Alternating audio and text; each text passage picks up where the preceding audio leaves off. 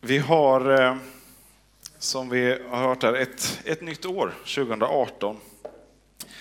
Julen dröjer sig kvar. Eh, de vissa männen var ju här häromdagen eh, och när de har varit här och gjort sitt så kunde den heliga familjen lämna och ta sig en liten bättre boning än krubban här. Men vi får fortfarande ha minnet kvar här av julen och det som hände där. Hur Gud kom och besökte oss, blev människa. Eh, det ger oss en, eh, en spännande grund inför ett nytt år. Gud har eh, besökt oss, blivit människa. Egentligen är det så att i kyrkan så börjar nyåret med advent. Det är det vi tar som vår startpunkt. Men låt oss också ta fasta på vårt kalendernyår. Vi, vid den här tiden så dyker det upp lite olika beslut och löften. Ett nytt år, ett nytt jag. Eh, man eh, har lite olika beslut och projekt och saker man eh, vill och saker man känner att man borde fast man kanske inte vill. Och så skapar man lite nyårslöften. Är det någon som har bestämt sig för något nyårslöfte i år? Ja, en och annan. Har de en fantastiskt bra affärsidé om att starta ett gym där man köper årskort och där de sex första veckorna finns träningsredskap Sen så byter man ut dem mot soffa och projektor och filmbibliotek och chips och läsk och sådär. Så behöver man inte ha dåligt samvete för att man inte kommer till gymmet eh, efter sex veckor, utan då kan man fortsätta komma till gymmet och göra det man ändå hade gjort eh, resten av året. Ibland funkar det lite så eh, med, med våra löften och våra beslut. Vi, har, vi vill komma längre än sex veckor i den här kyrkan. Eh, men vi har eh, satt eh, en månad här, januari, som vi vill en, ha som en period då vi söker Guds vilja, söker Guds ansikte, har vi som tema på gudstjänsterna här. Och då är det kring det som, som Tore bad om här, om förnyelse och om väckelse. Vi vill ta fasta på, på de tankarna som ändå finns här i början av året, att få, få se någonting nytt, att få förnyas. Det, eh, det vill vi. Och vi vill ta den här tiden, avsätta tid att få, eh, få söka efter, eh, efter Guds plan för oss här. Att söka Guds ansikte. Varför då sök Guds ansikte just, inte sök Guds vilja eller sådär. Vi, vi slår upp Bibeln. Och i Saltaren, psalm 27, så står det så här. Hör Herre, jag höjer min röst och ropar, var mig nådig och svara mig. Mitt hjärta tänker på ditt ord, sök mitt ansikte. Ja, ditt ansikte, Herre, söker jag. Dölj inte ditt ansikte för mig. Driv inte, driv bort, driv inte bort din tjänare i vrede, du som har varit min hjälp. Släpp mig inte, överge mig inte, du min frälsnings Gud. Mitt hjärta tänker på ditt ord, sök mitt ansikte. Ja, ditt ansikte, Herre, söker jag.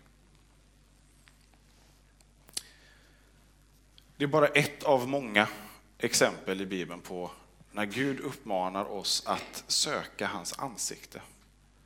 Eh, det, det går genom, eh, genom hela Bibeln.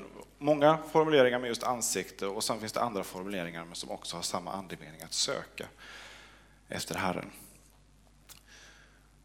Och varför är ansiktet så viktigt?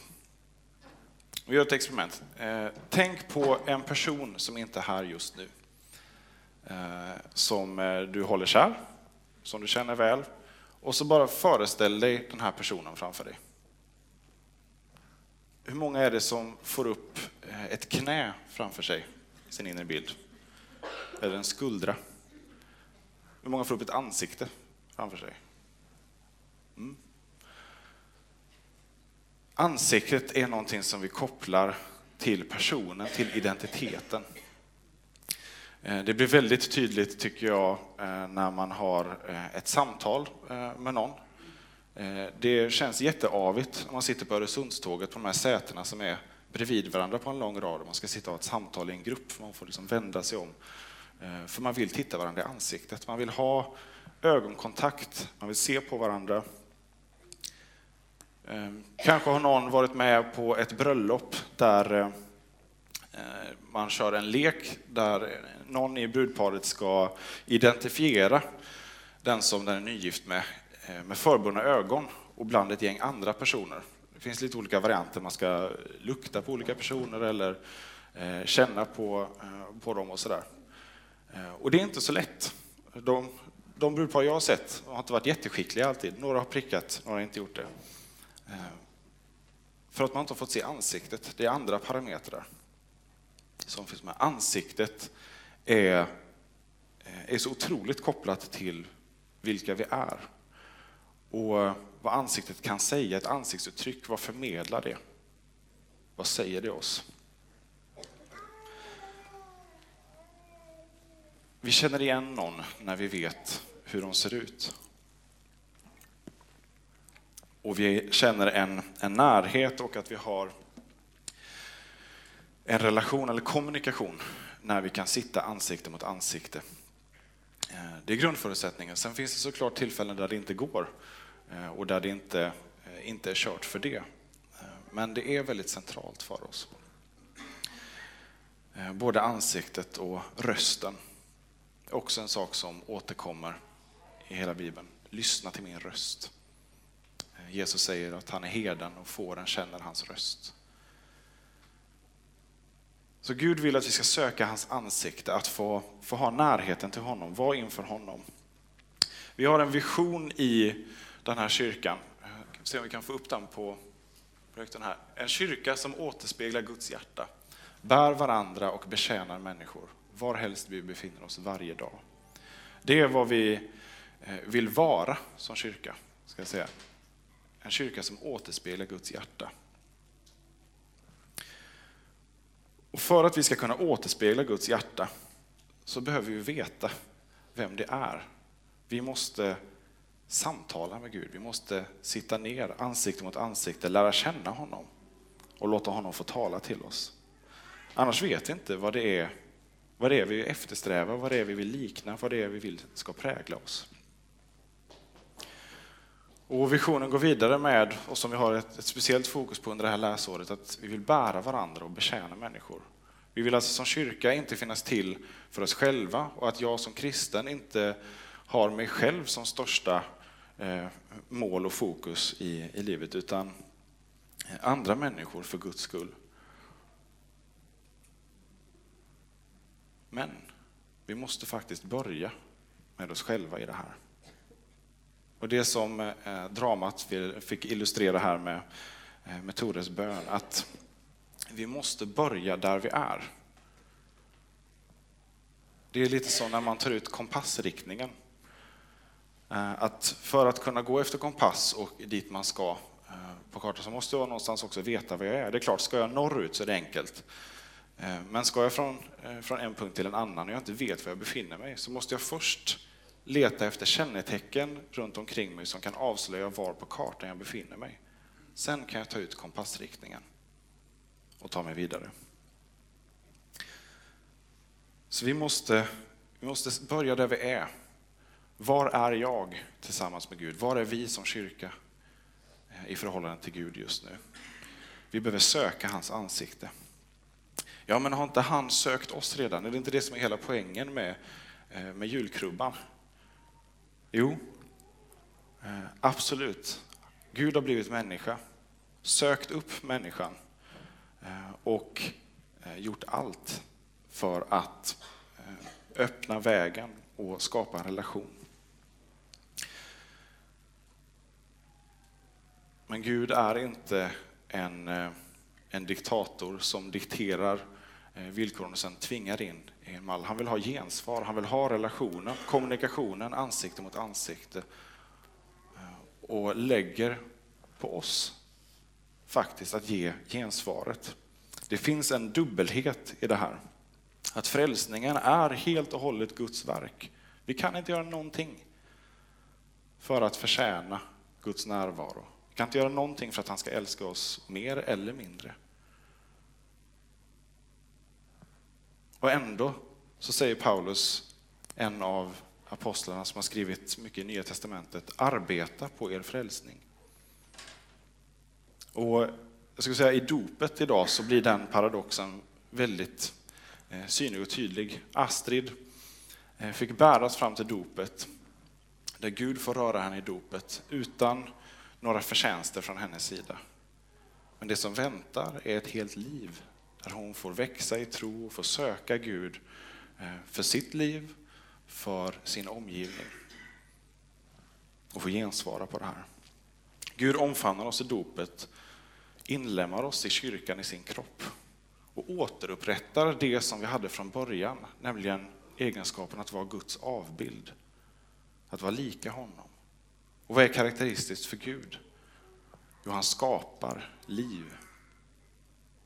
I det får vi vara medskapare och får, får vara med, vara aktiva. Kristen tro är inte någon passiv tro. Det är en aktiv tro. Där Gud ger oss alla förutsättningar för att följa honom och gå med i bygget av, av hans kyrka och hans rike. Och så är det med, med förnyelse. Längtar vi efter att, att något nytt ska hända? Förändring.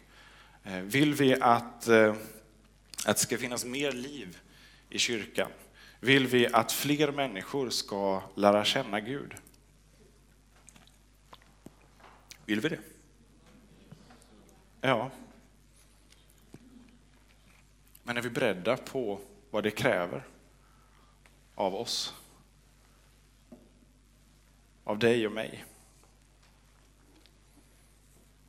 Är vi beredda att ställa oss i den här cirkeln och be Gud att, att väckelsen ska börja där? Att Gud får skaka om just mitt hjärta? De här bitarna som gör att jag inte riktigt har kompassriktningen för att det är så mycket annat som har tagit fokus i mitt liv så jag vet inte riktigt var jag är någonstans längre. Där måste väckelsen börja. Så att vi kan ta ut kompassriktningen.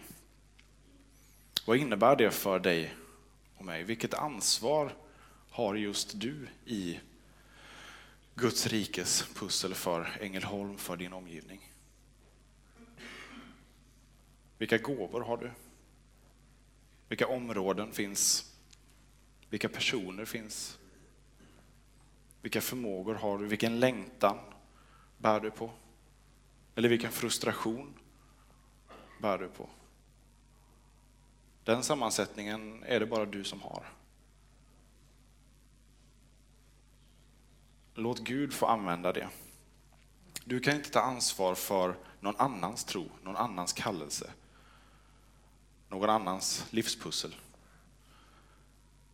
Du kan inte heller förvänta dig att någon annan ska ta ansvar för ditt. Vi måste börja där. Du och jag, Gud. Där börjar det. Och på det sättet så är det, eh, är det verkligen utmanande att, att stå själv med ansvar. Men vi står inte ensamma i det. Gud har lovat att bära oss och som visionen säger, vi vill bära varandra i det här. Vi kan inte ta ansvar åt varandra, men vi kan definitivt bära varandra i det här. En av de viktigaste vägarna för att få, få söka Guds ansikte och ta ut riktningen är bön. Det är någonting som eh, vi vill, som jag vill att vi tar med oss nu i januari månad. Ta med bönen inför det här året. För det du bär på. Men ta också med din kyrka, din församling, eh, din omgivning. Vad ligger på Guds hjärta? Stanna upp och lyssna.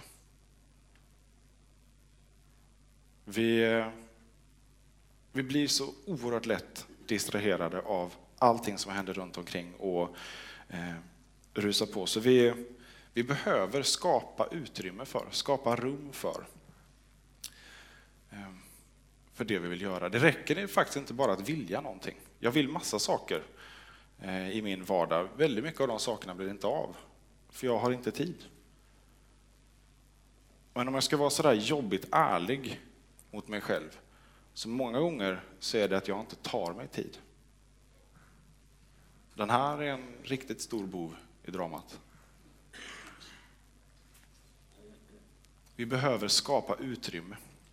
Philip Yancey, en kristen författare som har skrivit mycket böcker och såklart läst mycket böcker, eh, bloggade om, om det här med tid och vad vi vill och vad vi har för vanor. Eh, och där han bara kunde se att de senaste åren, sen mobiltelefonen blev en smartphone och gick att göra mycket mer än bara ringa, så har hans läsande minskat. En av de största kristna författarna som läser och han, jag vet inte hur många tusen böcker han skrev att han hade i bokhyllan. Och där han också var en sån som läste de böckerna fram tills för några år sedan. Där han inte har tid längre. Hans liv har inte förändrats, snarare kanske han har fått mer tid. Och så insåg han att jag måste bygga murar runt, en, en borg, en fästning beskrev han det som. Det som jag vill ska vara viktigt i mitt liv, det jag vill ska leda till förändring. Där måste jag be Gud bygga murar och skydd runt det här, skapa rum och tillfällen för det.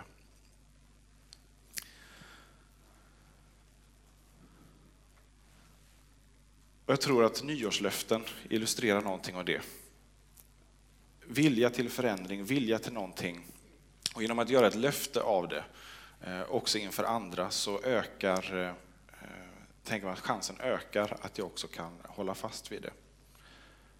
Men det är en sak att säga det i, i nyårstid bara och sen så ligger det där. Det är en annan sak att följa upp det vecka efter vecka. Att tillsammans utföra det som man vill ska, ska ge förändring. I, när jag bodde i Lund så eh, bestämde jag mig för att jag skulle springa Göteborgsvarvet. Ja, det var eh, Kajsa, som jag då var tillsammans med, jag var inte gift än, som föreslog det. Och man vill ju inte vara den som är den, så självklart gör vi det. Och sen så inser jag att eh, det här med träning inför Göteborg, det räckte inte med, med motiveringen jag ska springa två mil i Göteborg i maj för att jag skulle börja träna. Jag inser att jag, jag kommer inte få sprungit de här milen i, i kroppen om jag inte eh, hittar vägar för det här. Eh, och bodde tillsammans med en god vän som hade andra saker som han ville skapa goda vanor kring och så kom vi överens om eh, att som, kolla av med varandra att, att det här gör vi nu, satte en, en rytm och vanor och sådär. Lite olika deadlines. Och och eh, min var bland annat att innan aprils utgång ska jag ha sprungit två mil, så att jag faktiskt har gjort det innan man springer ett sånt lopp. Ehm, och så satte vi också en straffsumma tror jag, på 500 kronor om man inte eh, lever upp, för att få ytterligare en liten eh, morot från andra hållet. Det gick ju ganska bra. Jag fick sprungit mina två mil den sista april på kvällen. Jag sköt upp det och sköt upp det och sköt upp det. Eh, med facit i hand så hade vi behövt lite mer uppföljning under året. Eh, och när valborgsmässoafton var där eh, så var det ju fantastiskt väder, stekande sol. Och då vill man inte ge sig ut och springa två mil. Så sen på kvällen när solen har lagt sig och den kristna studentföreningen skulle ner i parken och möta studenter och familjer där, då, då hade jag bara ett par timmar kvar på april och var tvungen att ge mig ut. Sprang till Södra Sandby, Eh, hoppades att det skulle räcka. Inser när jag är där att det räcker inte. Jag får springa förbi Södra Sandby. Mitt ute på en åker i princip. Där, nu har jag sprungit en mil. Nu kan jag vända. Eh, och så var det bara vägen tillbaka hem. En enda lång raksträcka, ett gammalt eh, järnvägsvall. Eh, väldigt bra, kan man inte ta någon genväg hem sen. Utan springer man en mil och sen så är det bara att vända. Utan överenskommelsen så hade jag inte ens gjort det här.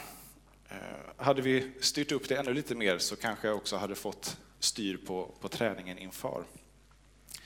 Eh, vi har lite olika förmågor där, lite olika karaktärer.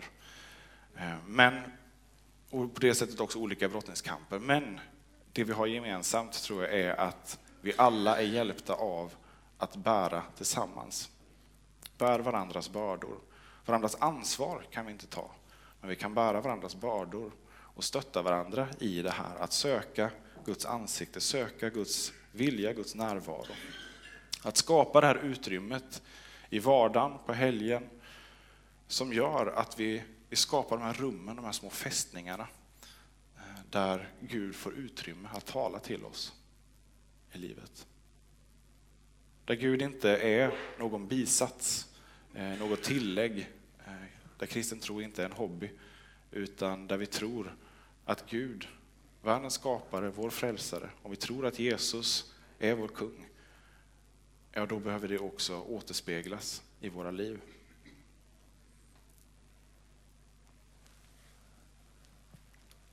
Så min utmaning till er som är medlemmar här i EFS-kyrkan Ängelholm är att ta den här månaden, januari, den här sökperioden och lyssna in, inte bara för ditt eget liv, börja där, men lyssna in. Har Gud någonting att säga oss som kyrka? Har han oss, eh, någonting att säga oss som, eh, som verksamma i Ängelholm, vår stad och de eh, åren som ligger framför? Vi tror inte att det är liksom ett, ett fönster, januari månad, där Gud kan tala och eh, sen så får vi leva på det resten av året. Det är inte det det handlar om. Men vi vill skapa just det här utrymmet, eh, den här fästningen, fokuset och tillfällena som gör att vi kan fokusera, kan stanna upp, bli stilla eh, och lyssna. Vi kommer ha en bönenatt fredagen 19 till eh, lördagen 20. Var med på den bönenatten. Det finns något speciellt i att vaka och be. Eh, tanken är inte här att fylla ett schema där vi byter av varandra så att vi täcker ett visst antal timmar och sådär, utan vi vill vara här och vaka över natten. Vill du vara här en halvtimme eller fem timmar eller hela så är det eh, vilket som. Tänker du nu att ja, men det här är en bönutmaning jag skulle vilja ta vara på? Prata med någon då och kom överens om att det här gör vi tillsammans. Så det är mycket lättare när klockan ringer klockan tre, för man tänkte man skulle hit en halvtimme. Eh, och så bestämmer för, men vi, vi är med på den här bönenatten och ber för, eh, för vår stad, för vår plats, för vårt uppdrag. Eh, och ber att Gud talar. Kanske talar han någonting den natten, kanske talar han här i veckan inför, kanske väcker det någonting i oss som sen får eka och ringa eh, under tiden. Och är det någonting som du kommer att tänka på, någonting som dyker upp här under den här tiden, tänk då inte bara att det, det var en lustig idé. Eh, vi tror att Gud kan tala, så eh, ta vara på det då. Skriv ner det, lägg det anonymt i vår brevlåda här om du vill vara anonym, eller prata med Magnus eller mig och dela med dig av det som, som dyker upp. Vi vill ta vara på att, eh, att vi har den här eh, perioden. Vi behöver förnyelse i den här kyrkan. Vi behöver förnyelse i den här staden. Vi har inte uppnått någon form av nivå som vi kan behålla som status quo. Här är vi nöjda. Det finns så många mer som behöver upptäcka Guds kärlek. Alltså behöver vi förnyas. För vi, som det är idag så är det inte tillräckligt. Vi behöver lära känna Gud i den här kyrkan. Det låter jättekonstigt. Den här kyrkan har funnits jättelänge och sysslat med det här med kristen tro, men vi behöver lära känna Gud. Efter så många år, lära känna honom på nytt. Den här staden behöver lära känna Gud. Vill du vara med och se det här hända? Så sök Guds ansikte. Sök Guds vackra ansikte. Och lyssna och se på allt det vackra som han vill göra.